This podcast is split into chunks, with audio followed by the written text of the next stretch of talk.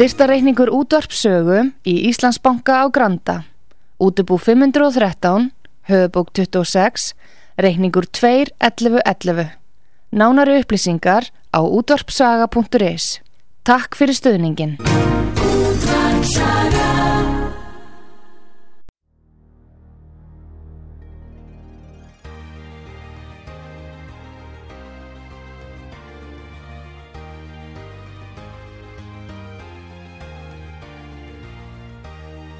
Heimsmálinn í umsjón Artrúðar Karlsdóttur. Fréttir og fréttatengt efni af Erlendum Vettvangi.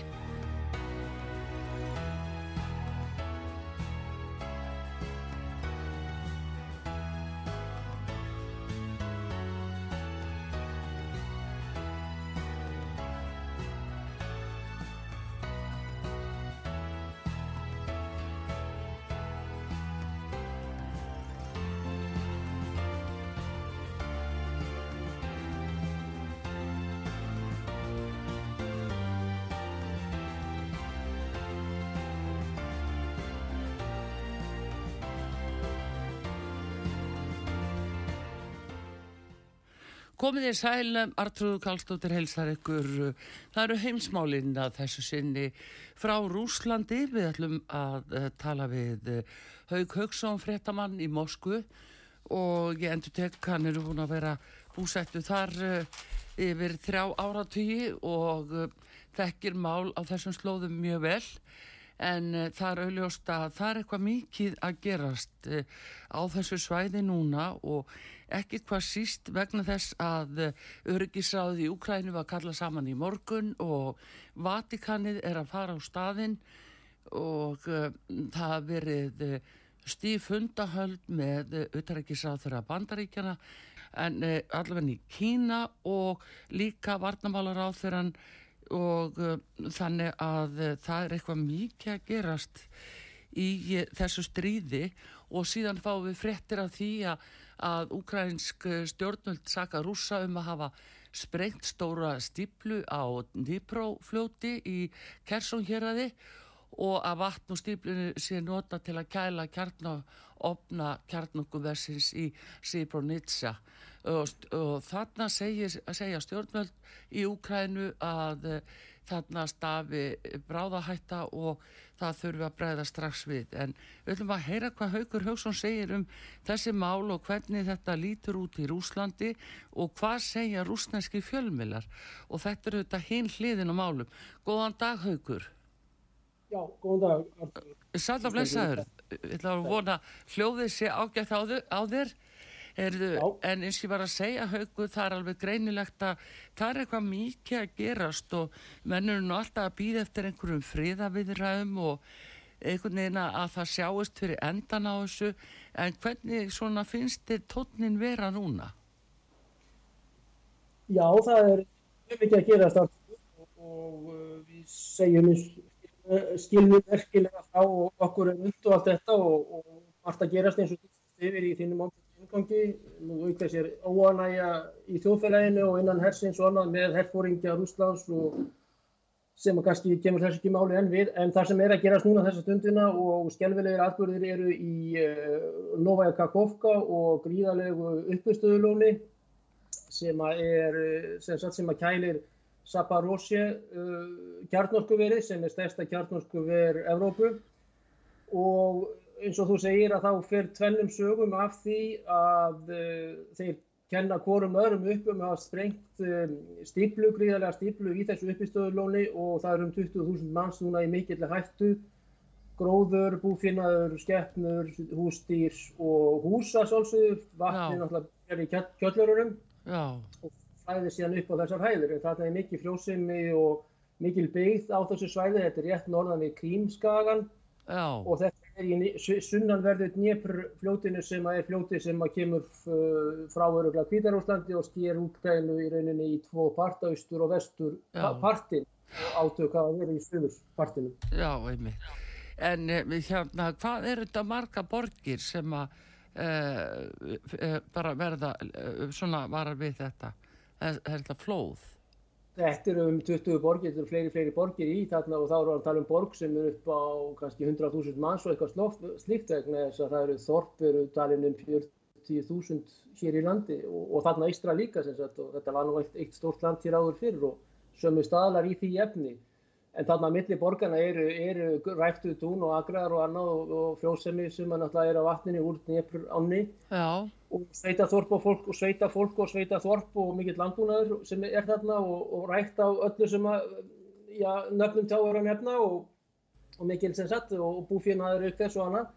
og fólk er hérna í mikill hættu og uh, rússar náttúrulega þeir, já, úkrænumenn kom strax með þá tilögu að rússar hefur sjálfur sprengt sig upp í rauninni vegna þess að þeir ráða hann yfir bæði kjarnorkuverinu, hafa gert það núna í síðustu síðasta árið að minnstakorti, það er komið sumar núna og það voru bardagar fyrir árið um það verð. Ég hef reynda komið í þetta kjarnorkuver og þetta er gríðarlega svona sovjaskur gíkant og, og sér sámönnum fyrir ódýri og mikill orku hér, hér áður fyrr. Já. Og uh, hérna sem sagt, þetta eru skjálfilegir atbyrður vegna þess að nú er móðu náttúrafærin að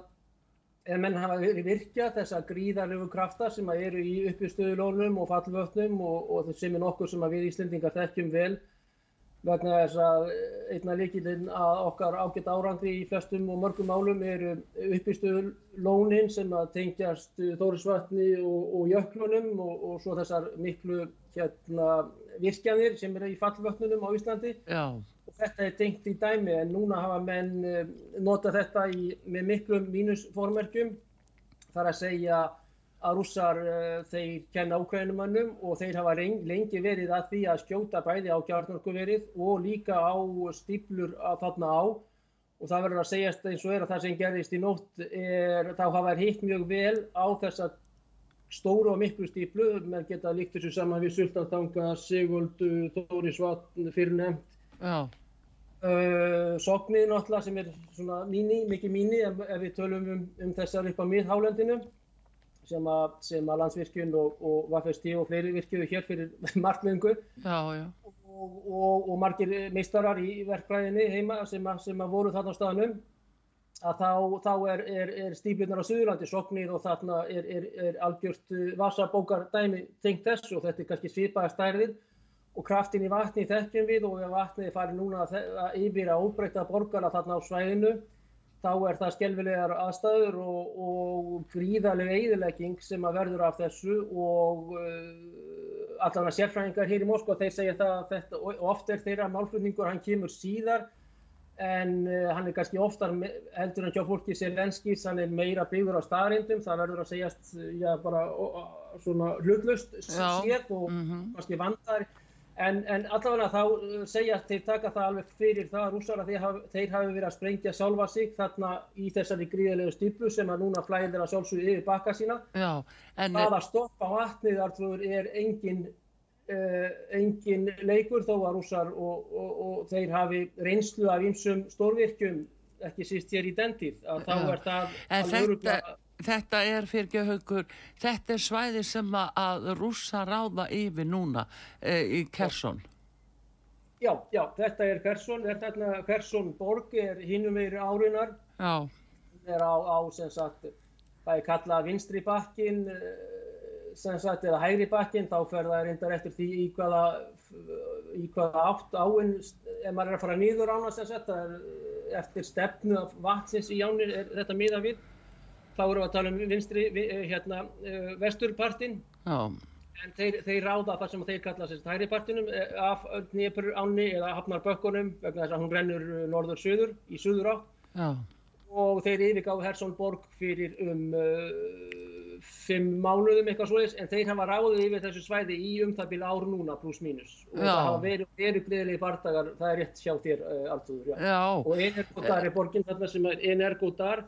það er borginn þar sem að þetta gríðilega kjarnorkuver sem að ég kom í eins og sagði stærsta, stærsta, ver, stærsta kjarnorkuver Evrópu en þeir hafa bæði kjarnorkuver og svo vatsorkuverin líka. Já, en haugur, sko, en hvað þýðir þetta í raun og veru uh, sko, nú segir að, að það séu sko að vatn flæði stjórnlaust úr uppistöðulóni uh, hvað þýðir þetta ef að Sabronitsa kjarnorkuverið uh, fær ekki vatn úr þessu uppistöðulóni hvað þýðir það? Já, ég skil, já, þeir eru með sex blokkir þarna sem eru gríðilega stórir sagt, byggingar og þetta er byggt á sovjetímanum og, og þetta er svona gigant, einn af þessum gigantum sem hafa verið byggt í, í þegar industrialization var, var það, þar í gangi. Og þetta er mjög sterkt í þessu og, og játnabindingin og annað er mjög sterk í þessu. En það sem að ofkælingin of, er byggð á vatni Já. og ef hana vantar að þá er von á uh, gríðalögum hýta, mörg þúsund gráðu hýta sem er nokkuð sem að mannskeppnan á erfitt með að ímynda sér vegna þess að 100 steg hýti er suðumark á vatni og, og 200 gráður er bakaropp kannski og þú þekkir þannig kannski betur mm. og 250 er mikið í bakaroppni eftir lill en, en 100 gráður er, er sjónandi vatn sem að te og kaffi er gert og, uh, og þannig er nú talið mörg þúsund gráður og ef það byrjar að bráðna þannig að við vonum að rússarnir sem að hafa haft stjórn á þessu veri og hafa sendt teimi sérfræðinga og þeir hafa verið hérna á staðnum mm -hmm. slökvi á. En hversu auðvilt það er að slökva á kjarnorkuveri og kjarnakrúfum og kjarnaopnum vegna þess að gríðalegur hýta uh, magt þarna og varmi, varma söpnun mm er spurning og uh, þegar og ef uh, vatnið tæmist og það er uh, vafalust og fyrst og fremst tímaspörsmál að þá er hægt við eftir við miklum katastrófum sem sagt sem að tala í grísku. Já, en hérna... Og þetta er mjög ábyrgalaust í rauninni að, að skjóta og menn hafa reyna, reynd að vera að stopna hafna á rauð svæði eða gerðing á korti að ekki verði skotið á þessi grossi hjá kjarnorkumál á stopnunni hefur við eitthvað eitt í dæmi líka Já. en ekki gengið sem skildi. En, en hérna...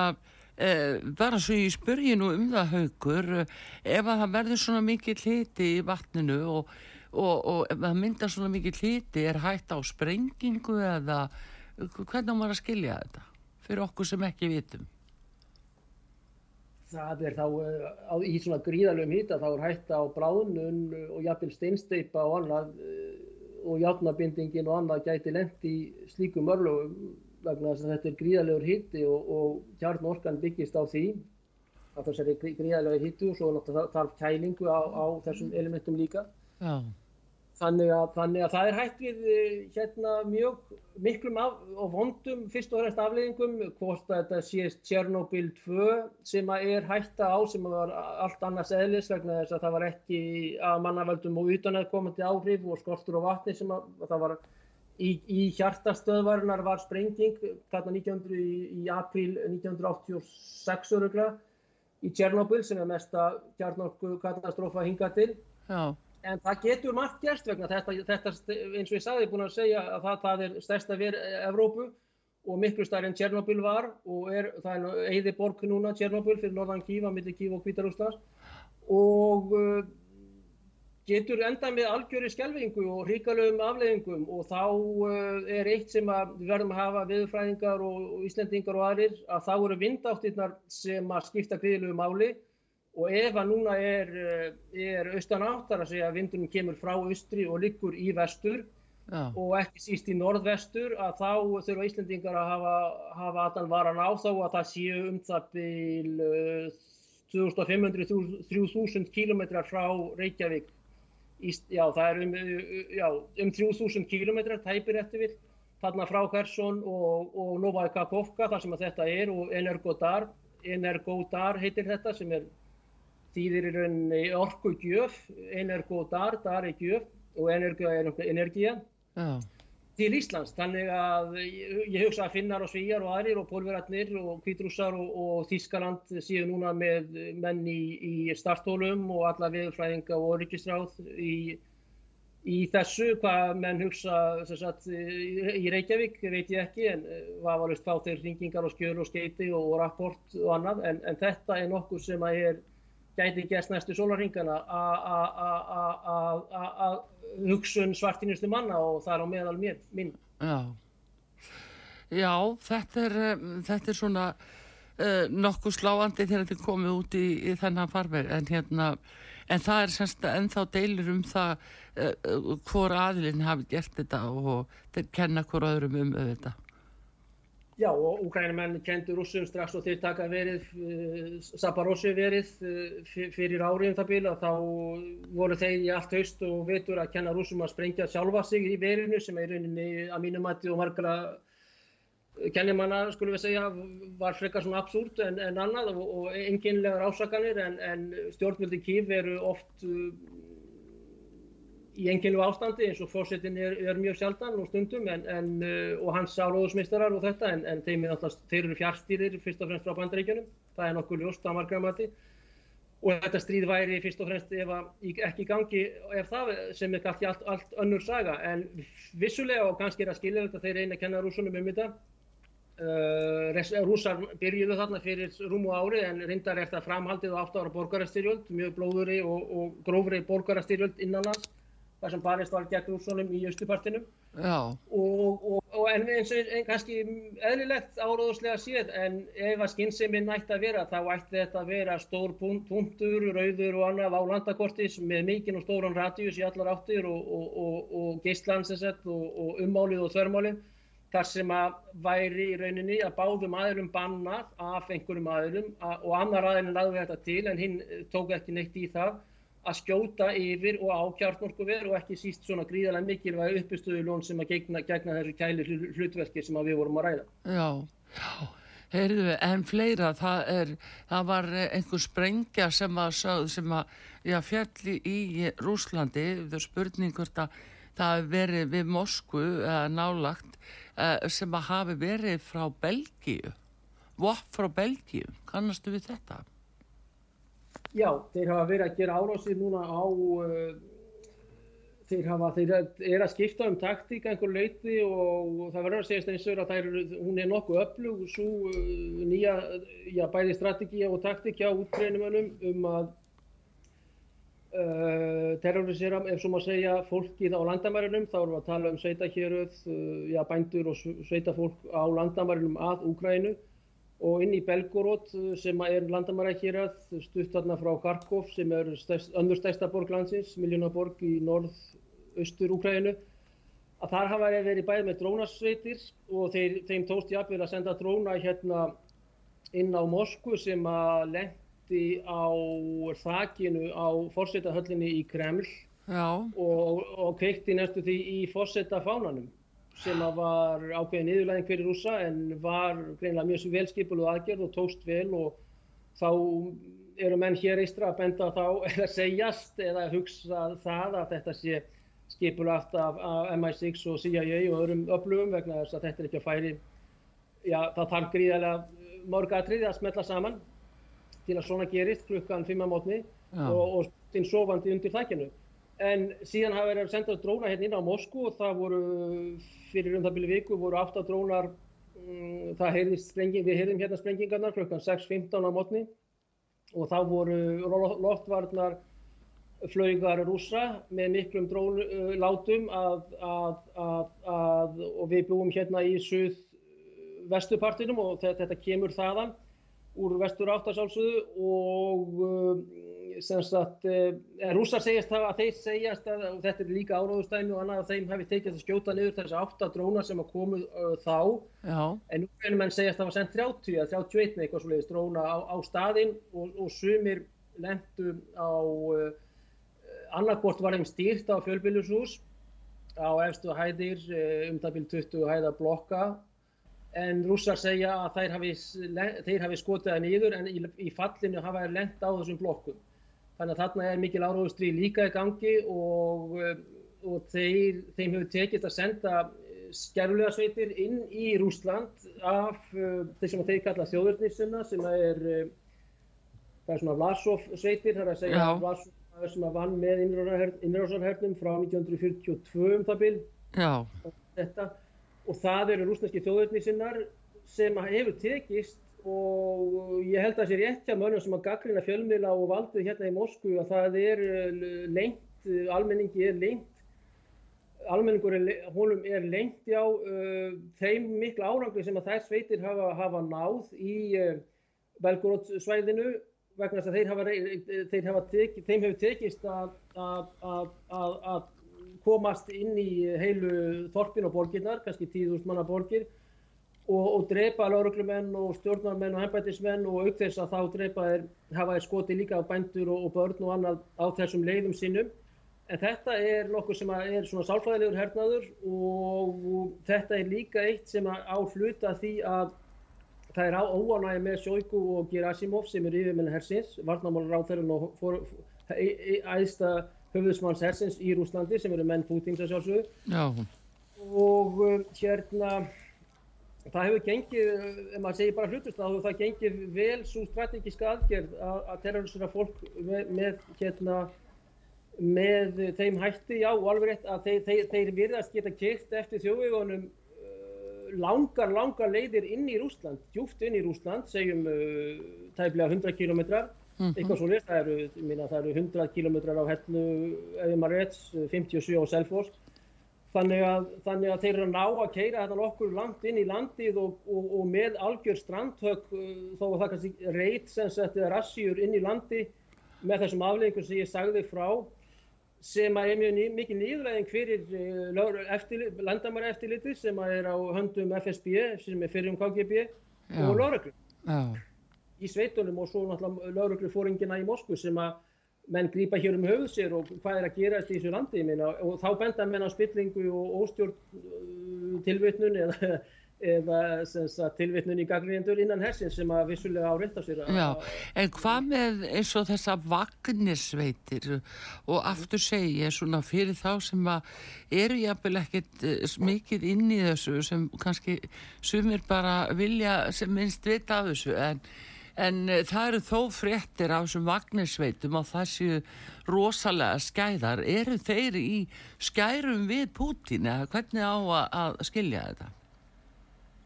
Já, Wagner er eh, sveitir sem að Yevgeni Prigozhin, Yevgeni Viktorovits Prigozhin stopnar fyrir eh, tíu, já, átta árum eitthvað svolítið. Hann hefur verið í verkefnum í eh, Afríku. Já, og Sýrlandi er það ekki? Sýrlandi, já, þeir björguðu Palmíru þegar að rúsneski hefur þurfti að leggja, og þetta eru gríðarlegi naglar, það, það verður að segjast eins og er, og, og, og franska útlendinga hersveitin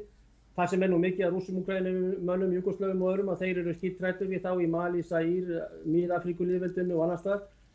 Það sem þessi menn koma og, og stundum er þetta fangar. Mm -hmm. Góðsinn satt inni eh, nokkuð tíma hann er mjög, uh, hann er ekki ólíkarki en hann er mjög uh, vel fjáður businessmaður og er, var í veitingabransanum í Pétursborg og þekkir eitthvað til Pútins eða hefur þjónað honum og hans skrifstofu og kanslili Pútins sérstaklega í Petersborg nokkur skipti og það er einhverja myndir af þeim þar sem þeir eru eh, líklega að takast í hendur og tvo metra frá okkur um öðrum en, en hversu náinnir þeir eru er spurning. En uh, hann hefur komið í, bara hreint út sagt rúsneska hernum uh, til bjargar nokkur og sinnum og mm. er mikið og gríðarlega gaggrinni á hérna, á Valeri Gerasimov og, og Sergei Saigu sem að hann telur og margt sem að bendi til þess að þeir séu ekki starfísinu vaksnir í, því, í þessari aðgerð sem að hétt hernaðar aðgerð en ekki að segja stríði öðru landi á hendur og það er nákvæmlega ríki með helmingi íbúin að rúsa um það byrj og uh, það verðist þeirra ákveðin uh, bæði spilning og óstjórn innan hersins og ég, mér sýnist að gera að, að hérna Tryggósin uh, hann er alveg alltíðu heitja hér í landi, það verður bara að segjast eins og er og, og þetta er og á Sovjetímanum að menn eru farin að hlæja eða svona ekki já, þannig að rúsneskur humor er oft svona grár og, og öflugur og, og þetta að ríkisfrettunum sem að eru svona eins og á Sovjetímanum ákveðin leiti þannig að Tryggósin er maður sem að hann má ekki bjóða sér fram til fórsetna vegna, vegna dóms á bakinu. Mm -hmm. og, og það var einhver efnaðstæmi og þetta er á nýjunda áratögnum, hann er svona 65-60 í dag príkósinn og, og, og eins og ég segja, hann er, þetta er mikill naglið þessi náungi og mjög öflugur kall og mikill húmór í honum og hann er með telegram, þá er hann með, tala, hann, hann, hann er gríðalega ræðinn, hann er mjög ræðinn og vel málu, eða sem sagt, talar, og hann talar bynt frá hjartan og mjög einlegur í sínum, sínum því sem hann er að gera og segir og hann er mjög skæður og hættulegur bæði fyrir Putin og það sem hann kallar kremlar turnana sem eru úr tengslum við jartengslum eða jartengslum Já, sko, manni finnst einhvern veginn eins og hann sé að senda Putin tónin og hann, hann sé ekki dánaður með stöðun og þeir ætli bara að pakka saman og fara.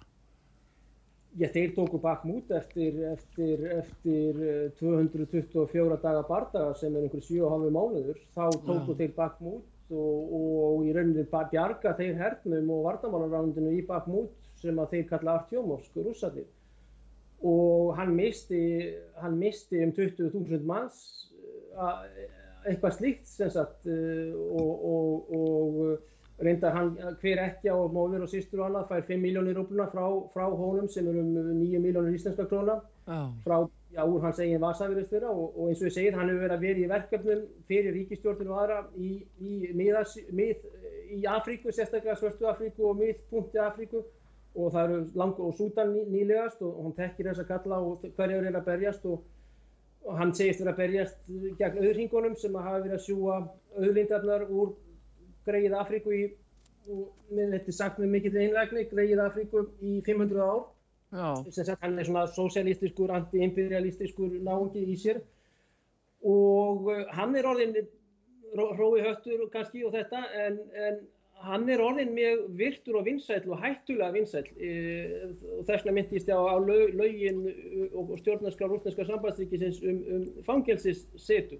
og það eru kostningar hérna eftir ár sumarið 2024 uh, og víðar eru kostningar Ísland og Bandaríkinn og vonum að alltaf menn komið þarna nýja menn sem sagt uh, sérstaklega fyrir vestanhaf við allans ála. En allavega að, að, að, að og ég held að Putin í rauninni alltrúður uh, hafi mist, hann var segjum hann var með 86-85% stuðnings almennings. En eftir að Prigozhin byrjar að tala svona ofinskátt um vandræðin, um óstjórn sem hann segir mm -hmm. um það hvernig þetta hefði átt að fara ekki eins og þetta er orðið núna mm -hmm. þá er hann orðin uh, mjög vinsalt bara stuttumáli meðal svona almennings og, og alþjóði manna í, í hennu stóra og mikla það, og hann er mjög hættilur og hann hefur sínt fram á kannski að Putin er fjarlægar í raunveruleikanum kannski enn sumir halda eða þess að það má, má svoleiðis komast til orða Já, en finnst þér haugur að þú sýnir að leggja mat á þetta. Þetta er samt alltaf erfitt þegar fólk er eh, bara á öðrum staðnum eins og gengur. En um, er, er svona einhvern veginn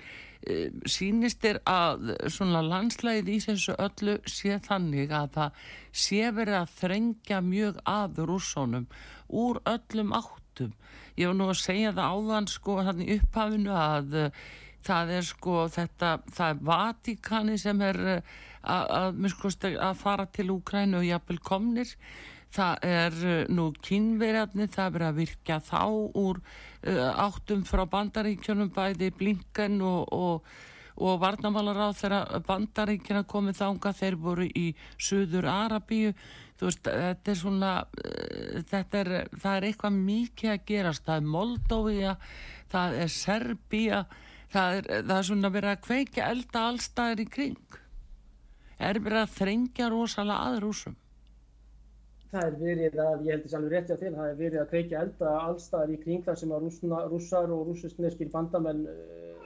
skulum er hægt að segja eiga í vöka verjast og, og það er allt mobiliserað í, í því eh, efni og eh, eins og þú segir þá er Serbíjar hafa svona sattfræðilega séð og tradísjónált séð þá var þeir, þeir allt frá fyrir heimstyrjöld og undan undar verið sömu trúar, ortodox, einu bandamenn, helstu bandamenn rúsa á svæðinu og það hefur náttúrulega verið mjög strengt að Serbíu sem að var stærri og meira ekki hér áður fyrr. Nú náttúrulega er mobiliseraði í þessu máli og þá erum við að tala um uh, sérstaklega um, um Ukrænu og vesturpart Ukrænu sem að er, uh, þar eru katholikar uh, í talsvert, ekki, ekki meira hluta kannski en, og pólverjar eru eitthvað í Ukrænu en þá. Þannig að Vatikanið hefur náttúrulega bæði áhuga og metnað í því að eh, pólverjar náu fimm um, vojevotinum eða oblöstum sem að þeir myndu þá kalla vojevotinur sem eru uh, hér að eða sísla á pólsku inn í Póland sem að pólverjar hafa gera tilkall til í rauninni og það eru nýjustu lögin eða nýs, skulum við segja, sem að eru fyrir um, fjórum mánuðum Það eru lög nr. 7550 sem Selenski skrifar undir þess efnis frá rötunni sem er Verkovnaði Rata sem er aðstæða ráðið. Rata Já. er ráð á ukrainsku um það að pólverar geti verið lauruglumenn, ennbættismenn, herrmenn, herrfóringjar í Ukraínu án nokkur sleifis. Þannig að þeir komast inn í Ukraínu og, og byrja að starfa þar án, án starfsleifis eða, eða vísum jafnvel eða áriðunar. Þetta er nokkur sem bendir til þess og, og Selenski hefur hitt e, bæði Mattius Marovetski og, og Duda, Andrzej Duda, marg oft og þeir eru miklu vinir. Já, fórsetta, já.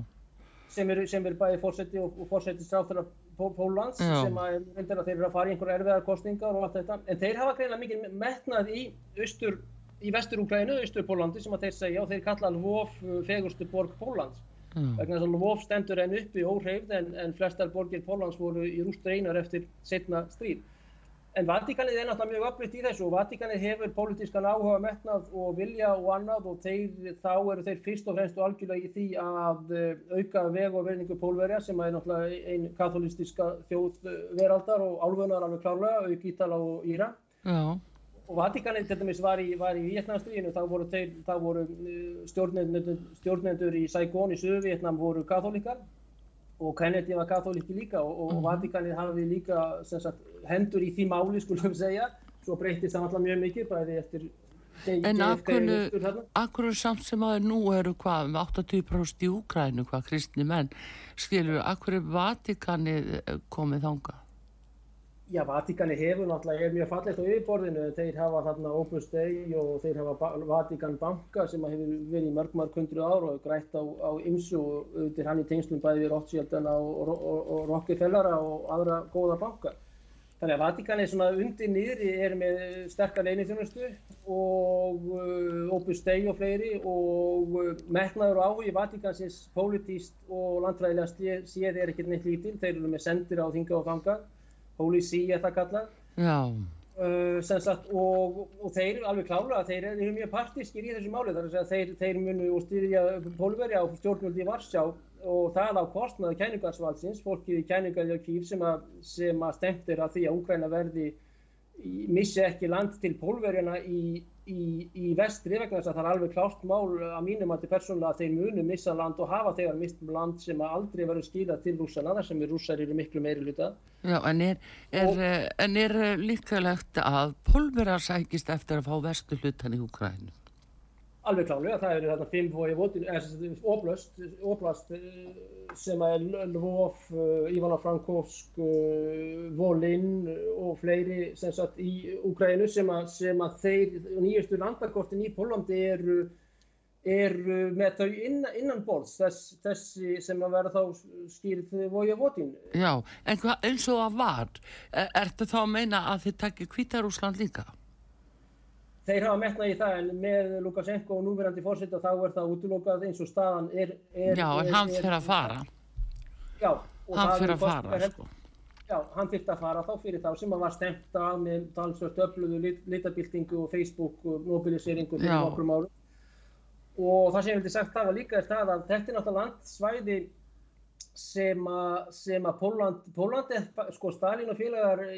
Churchill og Roosevelt og síðan Truman og allir það eru, eru Hjalta, hérna, uh, Potsdam og svo þeir herran er fyrst, Hjalta er í februar 43 líkast, að þá, uh, og Hjalta er mjög mikilvæg ástefna og menn vilja Hjalta 2, eða átt að vera Hjalta 2 þar sem að rússar hefur rætt við bandarækjumenn um uh, ákveðinu öryggislínu eða, eða hlutlösa línu í miðan-Európu en nóðum það að þá er Stalin og félagar að þeir færa uh, Póland mjög færa Póland vest, vestar á kortinu. Þannig að Úgræna fær þessi hér og, og, og, og eins og ég segja að Pólverið að segja Lvov eða Lviv á úgrænsku sé fallegasta borg Pólans og og á strætisvögnum og metró í Varsá að þá er lof mert inn á, á einhverjum kortum og annað þetta, þá er það mert inn sem, sem pólsk borg. Mm -hmm. og maður hefur komið þarna og þetta er mjög pólst svæði og katholska kirkjur um allt í Lvov og, Já, og sem heitir Lvov á pólsku líka. Þannig að Stalin og félagar að þeir gefa í rauninni austurpartin að Stettin og það, uh, Sjechin og, og Gdansk og þessi svæði sem að Danzig Fæ, í Póland, í stundum ári þá er Póland fært um fleiri, fleiri tugi og hundruð uh, ekki þúsund hundruðir eða hundruð, já, hundruð kílómetra í vestur partin. Þannig að Úkræna fær pólsku svæðin og pólverarnir fá stettin og, og þau svæði í nokkið með kort hérna eins og já. í, í, í austasta Þískalandi og svo er austu Þískaland þá er, er nokkur neginn mið stór Þískaland eitthvað svo já, já þetta er mjög áhugaverð þannig að þetta er, já, þannig að það, það sko undirtónin í þessu er svona mikið landamæra deila og átök út á landsvæðin já, já. já, það er þannig að og líka það að það er verið að það er búið að vera nýjára stríð rúmlega núna þar sem að 20.000 rúsa voru drefnir fyrst og fremst út á tungumóli og, og öðru sem að algjörlega var lokað augunum fyrir og, og blindi kíkirinn sendur fyrir blind auga eða augar sem að sá ekki neitt og ítla mm -hmm. af Vestur-Európu, af Bandaríkinum og NATO-þjóðunum sem er náttúrulega ekki vanduð diplomatíja en, og ég held að það sé líka rétt sem að sumi segja eða ég má ekki kannski vera á partískur í þessu dæmi en ég held að það sé mikið til sem málstegar en að segja það að þetta sé framhald á 8 ára borgarastriði sem að þegar var búið að vera í landinu ja. þarna kemur ellendur hér e, með grófa á allt þetta einflutun í það mál en þetta er framhald á, á þeirri styrjöld sem hafa búin að vera í 8 ár þar sem að uh, loft er uh, alls konar nýnazistarsveitir, það verður að segjast eins og er sem að sumir að loka algjörlega augunum og jafnveg fræðiminn sem er þeim, þeim til mikill af háungar og skammar og háskóla Ísland í gegn rúsnesku mælandi fólkinu í gríðra stóru belti í öst, allir austur Úkrænum mm. og, og þannig er ríkisherinn sendur með flugherinn á, á það fólk og við vitum alveg hvernig svo saga er sem að verður til þess að, að uh, Putin og félagar ráð, uh, byrja þess aðgerð sína sem sagt, þannig að já. Já, uh, jú, ég sé það líka eldri fréttum haugra þegar við hefum nú talað saman í mörg, mörg ár og miklu lengur heldur neila í fljóttum bara maður myndi en uh, þá sé þá eldri fréttum að hvað við höfum oft talað um þetta að hversu margir væru sko ó, ekki óhuldir uh, þarna niðri í Dombas uh, út af þessu rúsnestmælandi fólk. En það var, það var ekki bröðust við því, það er aldrei skríti og, og ég fréttum mann er sko þannig nógumbir í fyrra en nei ekki fyrra 2021 að þá erum við að skrifa og tala um það að það sé komið borgarastyrjöld í Úkrænu en það voru engi viðbröð Já, algjörlega, þetta er alveg algjörlega réttið þér ölluður og, og, og, og sem sagt, uh, hún byrjar eftir uh, valdaskipti þegar að Janukovic er rakinn frá völdum og þar eru til dæmis Sikorski, eh, Steinmeier, það er auðvitaðriksstæðara Pólans, Steinmeier, Hans Walter Maret sem er núna fósetti í Þíska sambandsríkisins, svo frakkinn uh, Deladjör, ok, ég man ekki nákvæmlega hvað hann hétt, þeir gefa Janukovic garanti fyrir því að hann fái fríðhelgi engalífsins, hann fái að taka þátt í næstu kostningum og öryggi hans persónulegt og síðan þarna eftir að bleki er ekki þotnað af þeim uh, papirum þegar reyndir að drepa Janukovic með, með mjög mikið sér aðgerð Já. og hann flýgir, hann rúsar bjarga honum síðan sem sagt yfir Asofhaf yfir til uh, Rostov og þess svæðis þegar að þessir eh, háu herrar og, og síðan held ég að sé mjög mikilvægt líka að uh, Angela Merkel og uh, Hollande, François Hollande Já. sem var fransfósetti og Merkel búndiskanslerinn uh, viðurkenna það síðan að Minsk 1 og Minsk 2 var fyrst og fremst já, fjárstýrta bandarækjumunum og, og State Department og Obama er þarna fyrst og, og Biden er varafósetti þetta er fólk oft mjög sem fjart, hefur mikil áhrif frá uh, State Department sem er, eða bandar, segjum bara Bint Washington, að það var til að draga rúsa á asnæðirunum og í, í þessi átta það byrj til þess að vikvæða Úgrænu hér eftir NATO stöðlum. Og, og það tókst mjög vel á þeim átta árum. Þannig, að, þannig að þetta sem sagt nýverið þá viðurkenna þess þessir... Uh, Já, Ólandi, hann sagði að þetta hefði verið gert til að raunverulega blekja rúsana, að skrifa Ó, undir Minsk samkvæmulegi. Já, og þetta er ennast diplomatíja í dag og ef við viljum, getum kallað þetta diplomatíu og þeir, þeir eru með flotta og fína sendi herra og sendi ráð og recepsjón og móttökur og fínir í, en ef að diplomatíja gengur út á þetta þá er það náttúrulega afar uh, óskemmtileg, óvönduð, óvönduð sem sagt diplomatíja nei, nei, og, og sem að gengur út á þetta en, en auðvitað, já, Putin mætti þarna og þeir heldu að þeir væru að koma að þessum fríðarsamlingum sem að var fyrirfram planið og ætlunum hjá François Hollande mm. og Angela Merkel að svíkja og, og, og, og trafka á og vissu það að sá pappir var ekki bleppsins virði og þau hefði getað farið mm. með þann, þann pappir í annað herbygg. Þannig að þetta haugur, þessar mannesku en, en þetta kannski var fullt gróð samleikin. Já, en, haugur, við eigum nú, já, ég mitt, við eigum nú svolítið tíma eftir ég ætla að fá samt auðlýsingar, ég ætla að býða á línunni og við komum svo aftur og ég ætla uh, aðeins að, að fá að heyra hvernig þetta er líst á þetta svona á heimsvísu, hvernig þetta er að byrtast og aðkoma kymmerja og, og, og, og líka framganga bandarækjamanna núna, hvað er, hversu öflugir þeir eru í þessu máli, öllu saman en uh, þeir eru hlusta út að sögu Artrúð Kallstóttir í heimsmálunum að tala við Haug Haugsson, frettamann í Moskvu og við komum eftir skamastund aftur.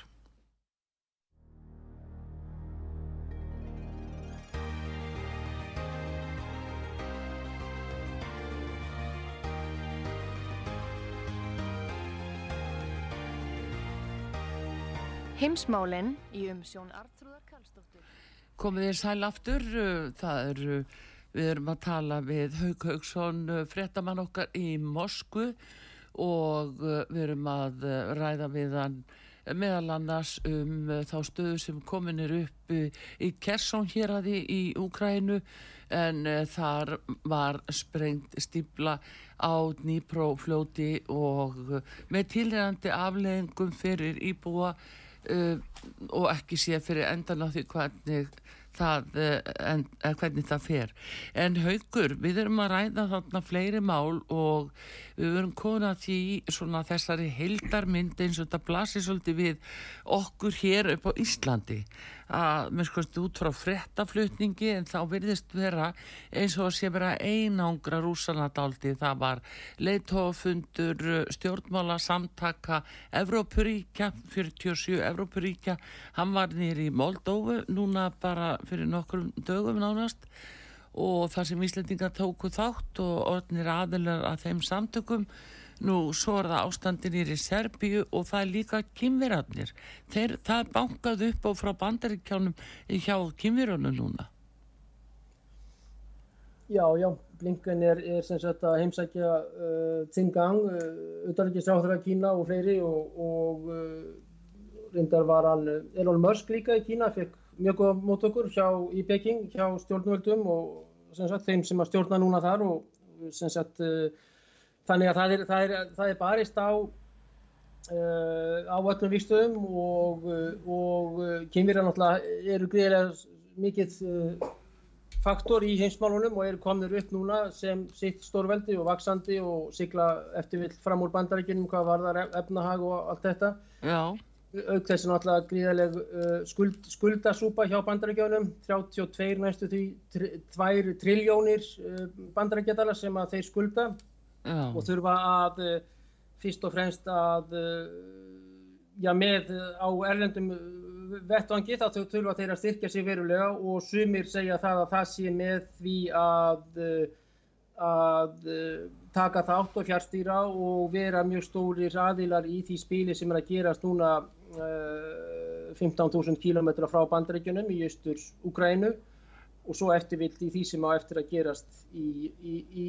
í Tævann. En kynverjar eru komnir mjög sterkir inn í allsjóðaspilið. Kína náttúrulega var kannski þinn esku, esku móðuminnar og annar staðar á Ísafyrði. Það var sagt að borða fyrir fátökubörnin í Kína. Já. Þetta er svona um 1950 eitthvað svo leiðis. Það er af sem annað var vegna þess að Kína er að mikill uppsiklingu, er að verða gríðilegt flota og herrveldi og Kína á hvað var það politíkina og diplomatíuna þarf að segja stjórnmála samskipti og vandaða diplomatíu sem er kannski svolítið annað en að gerast á Vesturlöndum og sérstaklega í uh, eh, Európusambandinu sem að mjög miklu leiti að margra mati er fjárstýrt frá uh, demokrataflokknum og global og neokon og neoliberal og, og því dæmi öllu mm -hmm. að þeir eru að komnir mjög öflugir í því að uh, koma saman til dæmis Íran og Sáti-Arabíu og vann í sem var auðvitaðleikisláþra sem er mjög öflugur á baka tjöldin í Beijing og á allsjóðasviðinu og Qin Gang sem er auðvitaðleikisláþra nýju að þeir fyrir stuttu komu saman uh, írönum, þar að segja Teheran og svo sátum, alveg fólki sem að voru svarnir óvinir sem sítar og sunnitar og allt það dæmi og, og reyndar eru Íranir ekki arabar, Írabar eru, Íranir eru persar Já. og allt þetta og auðvitað muslimar og svona og, og þeir það er hver af annari stóru og mikil sendinemnd frá Europasambandinu, frá uh, ja, Tyrklandi, uh, Ange, hérna, hún Úrsula Gertrúd von der Leyen, hún þurfti nú að fara frá Peking sem almennur fartegi í vopnaleit og annað og þeir síndu henni talsverða óverðingu yeah. og Macron, Emmanuel Macron og fleiri e, gera stór miklar reysir til Peking að margra, má, al, aðila margra uh, áliti skulum við segja þá uh, er planið og dagsskipuninn frá Bryssel og Washington að veikja hefði mikla samstarf og samskipti og ekki síst hernaðarsamskipti millir Peking og Moskvu. Vegna þess að Putin og uh, Xi Jinping formaður Kína er, eru gríðarlega í mjög nánum persónulegum og Rúsland og Peking eru í, í Kínaveldi Rúsaveldi og Kínaríki eru í mjög nánum og miklum efnaðslegum og pólitískum og ekki síst hernaðalegum samskiptum og það er líkil atriði fyrir, skulum við segja, ráðandi öll og ekki síst uh, glóbal og neðanjarðar og ósýnilegu öll og bankaelituna og auðvaldsöflin mm -hmm. á heimsvísu allt í lagi uh, að veikja Peking-Moskvu uh, strengin sem að er orðin En, en býtu, uh, staldra einmitt við þarna haugur vegna þess að þá uh, er náttúrulega uh, eðlert að spyrja þig út í Bryggs-samkómulæð sem við höfum verið að tala dáltið um. Að það er Kína, það er uh, Suður Afrika, það er Indland, það er Brasilia, Rúsland uh, jafnvel Íran Tyrkland bankar upp á. Skiluru og það er verið bara að eðilegja dólaran sem gjaldmiðil. Þeir, þeir stefna á það uh, lengt og löst núna og ekki síst eftir stríða þá uh, þetta stríð, núna, núverandi stríða þá er alveg klart mál að stjórnvöld sérstaklega í Peking, Moskvu, líka í uh, Pretoríu og uh, New Delhi. Og hverju glemir ég? Og Brasilia Brasilia er höfum Brasilíu stefna að því að og til dæmis Lula da Silva og og uh, Mexikanin uh, Orbán og sem sagt uh, og hérna Þeir vilja báðu koma inn Já, Já. Og, og Argentínumenn sem lendur nú mjög ítla í spekulantum og dólarunum og bandarískum uh, efnaðarstæmi og allt þetta og, og því sem að bandaríkjumenn hafa komist algjörlu upp með mjög lengi í þessum löndum stefna því de-dollarization þar að segja af dollaravæðing má segja já, já. í í þýringu. Jú, jú, jú, þetta er umræðinni virkilega í bandarækjum núna, mikið áhugjefni, já. Akkurat, akkurat, og, og, og hérna, ef það gerist í alþjóðavískiptum sem að, sem að, sem að, til dæmis að Putin hann segir það, við erum ekki að fara frá dólarunum, dólarin er að fara frá okkur. Og þá bendur hann bara preinlega á það er refsaðgerið sem að rúsum er bannað að versla í dólarum, en hins vegar er hann kannski svona aðeins að færa í stílinn vegna þess að þeir hafa lengi ætla sér að fara frá dólaranum í vegna þess að það eru kannski mennir að kaupa silki, ólíu, gull, eitthvað þá þarf alltaf að fara yfir í þýða gjaldmiðl yfir í dólaran sem kannski er hendut og allt þetta. En Bríkslöndin núna og þar eru sátiðarapar byrjar að banka upp á og það er gríðalegt áhyggjöfni að Salman Prins og pappans séu orðnir af huga bandarís um uh, samvinnu og samskiptum sem er komið á stað 73-72 uh, já, þá var Nixon. Já, en það sérðu, ég meina Blinken Það er líkið latri og mjög mikið áhugjöfni Já, já, sjáðu, en Blinken auðvitaðrikiðsáþur af bandarækjana hann var bara fyrir nokkrum dögunir í Sati og var, var að banka þar og byggja um gott veður. Þannig að þú sér á hvað alvarleika stíðið þetta er Ég var bandarækjumenn að missa vegna þess að framleiðslu og framleiðinu innan bandarækjun er mjög lítil og bara skrúa verkvar í hamar, naglaskæri, þetta er allt made in China áður fyrir sem að voru með mikið bandaræsku innar var gríðarlega sterkur hérna fyrir ekki meir en 30 árum. Þá, hérna, en, en bara því framleiðurinn ekki neitt neitt í dag, þeir prent og prenta dólara að auka, auka þessar skuldir og það eru, eru skilti í, á, hvort það var í Wall Street eða einhver staðar National Debt og það eru Debt eh, þjóðarskuldir bandarækjana við 32 triljónir bandarækjamanna, ekki miljónir og miljardar heldur triljónir þannig að, ég minna, ríkissjóðu, ríkið, bandaríska ríkið hefur mm. líðið mjög vel náttúrulega með imperialistiska stefnu og allt þetta en, en nú er komið að skulda dögum og það að Kína, Indland eh, og þessi ríki sem að örðu mjög á fyrir barðinu á engilsaksneskum breskum sem sagt hinsvaldarstefnu eh, fyrir stríð, bandarískri eftir stríð um alla, alla jarðarkringluna alla þessar 40.000 km sem að er um að kringlan er í eh, allt þetta, norður, suður, sérstaklega suður hveli jarðar að þau ríki er alltaf að orða meiri og meiri og sterkari í tengslum við rúsa og núna eru þessar ríkistjórnir í þar sem að frakkar til dæmis, sérstaklega frakkarnir voru sterkir í því að kúpa inn, eh, kúpa inn herfóringarstjórnum hinga og þanga sér til framfæris og þá eru alltaf auðringarnir í því sem er í ólíu, gulli, uh, demöntum, uh, kaffi, kakó og öðru. Jú, en, en, en haugur, sko, það sem ég er að velta fyrir mér eins og eins og sko núna þetta lítur út þegar ég, ég er að tala bara fyrir, frá Íslandi skiluru okay. og þegar maður horfir á þetta og margir halda að núna sé jafnvel stríðið komið á þann stað að það sé búið einangra Úsland svo mikið að þetta sé tíma spursmál hvenar Úkræna vinni stríðið og þá aftur móti ég að segja ég er yfir frettir sem að við áttum hvað árinu 2015 16 þá er þú að segja mér frá því vopnaframleyslu og þróun á drónum sem Írani voru með og þá í tengstu við rúsa og kymveri skilur það búið að vera öll árin. Þessi rosalega öflugut og skæðu dróna sem eru bara eins og títiprjónar í menn.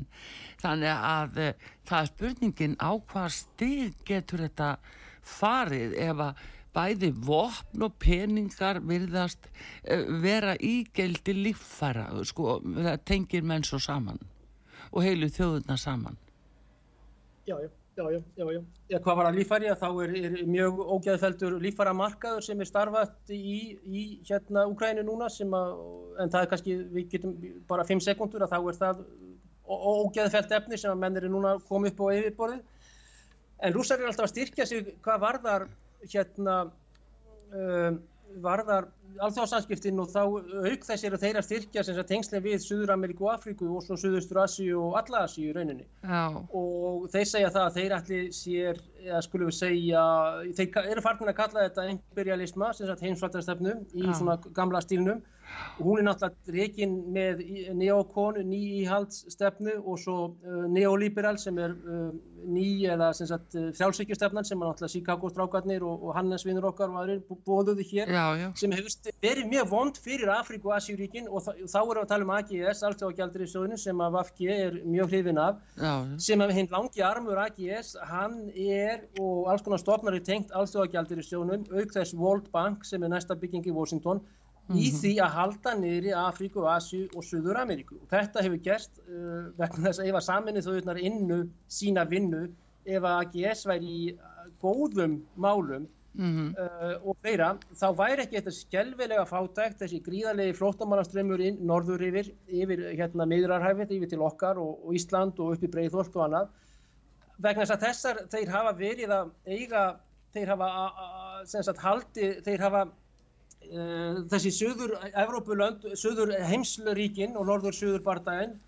sem er að taka við að austur-vestur bardaginn að margra mati skulum við segja. Mm -hmm. hann er nokkuð sem heldur áfram og menn margir sem telja það að ekki síst með falli dólarans að, og bandarísks efnahags með lakari stöðu þetta er kannski ígjur að bandaríkinn sé algjörlega að fara á hausin þetta er bandaríkinn alltaf mjög stert ríki. Þegar framlegin og fra skilur að Östurlanda mörgu leiti er framtíðin og, og London og Washington eru hættar að vera höfuborgar heimsins og þá eru þessi styrki, styrkurinn að fara yfir á New Delhi, Moskvu, Shanghai sem viðskipta höfuborgina og svo Beijing í þessum að pólitísk höfuborg Kína. Jú, jú, jú. Það er nú þetta sem að svona liggur svolítið í loftinu, skiluru, þegar þetta er skoðað í þessu ljósi Hérna... Þess að er örvænting hjá Vesturlöndun skilur Artur og draga, draga stríða langin meiri vopn, meiri eilikingu, meiri, meiri dauða uh, íslenskir sósialistar, uh, íslenskir sósialdemokrater, þeir vilja meiri og meiri vopnasendingar, meiri dauða, sprengjur, meiri, meiri, meiri. Mér finnst þetta mjög ólíkjendum með íslenska vinstrimenn og allt þetta og, og eins og ég sagði að sjálfstæðisflokkurinn kannski sjálfur sér samkvæmi með þetta og með sinn ráðneitis Kolb, sagt, já, já. allt þetta skilur, þetta er svolítið ég held að með þurfa að horfa meira og skipta um gliregu og, og fá sig kíki sko, mm, að einhver leiti eða eitthvað stílt. Já, jú, jú, þetta er náttúrulega... Solgreið er svolítið... Já, það er náttúrulega svolítið verið að berast með strömnu núna en uh, það er eins líka staða NATO, hún getur átt að breytast mikið og uh, þó þess ég kannski að reyna að færa út kvíarnar og þrýstingur á að svíja að fara inn en Erdogan hann er ekki að gefa sig og við, við trúum kannski út á hverju haugur en uh, þannig að þetta er þetta er svona svolítið skrítið mál. En, en allavega við sjáum það veistu hverja dölur um mannfall þarna sem fólk er algjörlega hefur bara ekki umbörlindi fyrir lengur að heyra af Býtu hvar þá? Verða bæði rúsamegin og úkrænumegin já, já. já, já fyrir stríða þá voru 14.000 sem sagt á 8 árum uh, og það voru fyrst og reynst almenni borgarar í austurhjörðum Úgrænu sem að gerast frá 19, 2014 uh, til 2022 Já. og uh, það má alveg klárlega auka því miður þá 14.000 er nógu mikið og eins og segi almennir, konur og börn og gamalmenni og bændur að nú er talað um það að að Úgrænumenn sem herrmenn hafi, hafi mist uh, 300.000 manns og rússar um kannski 70-80 þúsund. En uh, í þeim hernaði sem að til og með Vagnirarnir voru í uh, Príkósin þá veittu þeir úgrannmenn í ákveðna gildru sem að var Bakhmut sem að þeir kölluðu Bakhmut uh, hakkavilinn í Bakhmut, Njarsarúpka þetta er humorinn hjá, hjá Jevgeni Príkósin og það var til þess að drepa sem flesta úgrænumenn og málið er líka það að úgrænumenn eiga bara svo lítið að ungum mönnum eftir.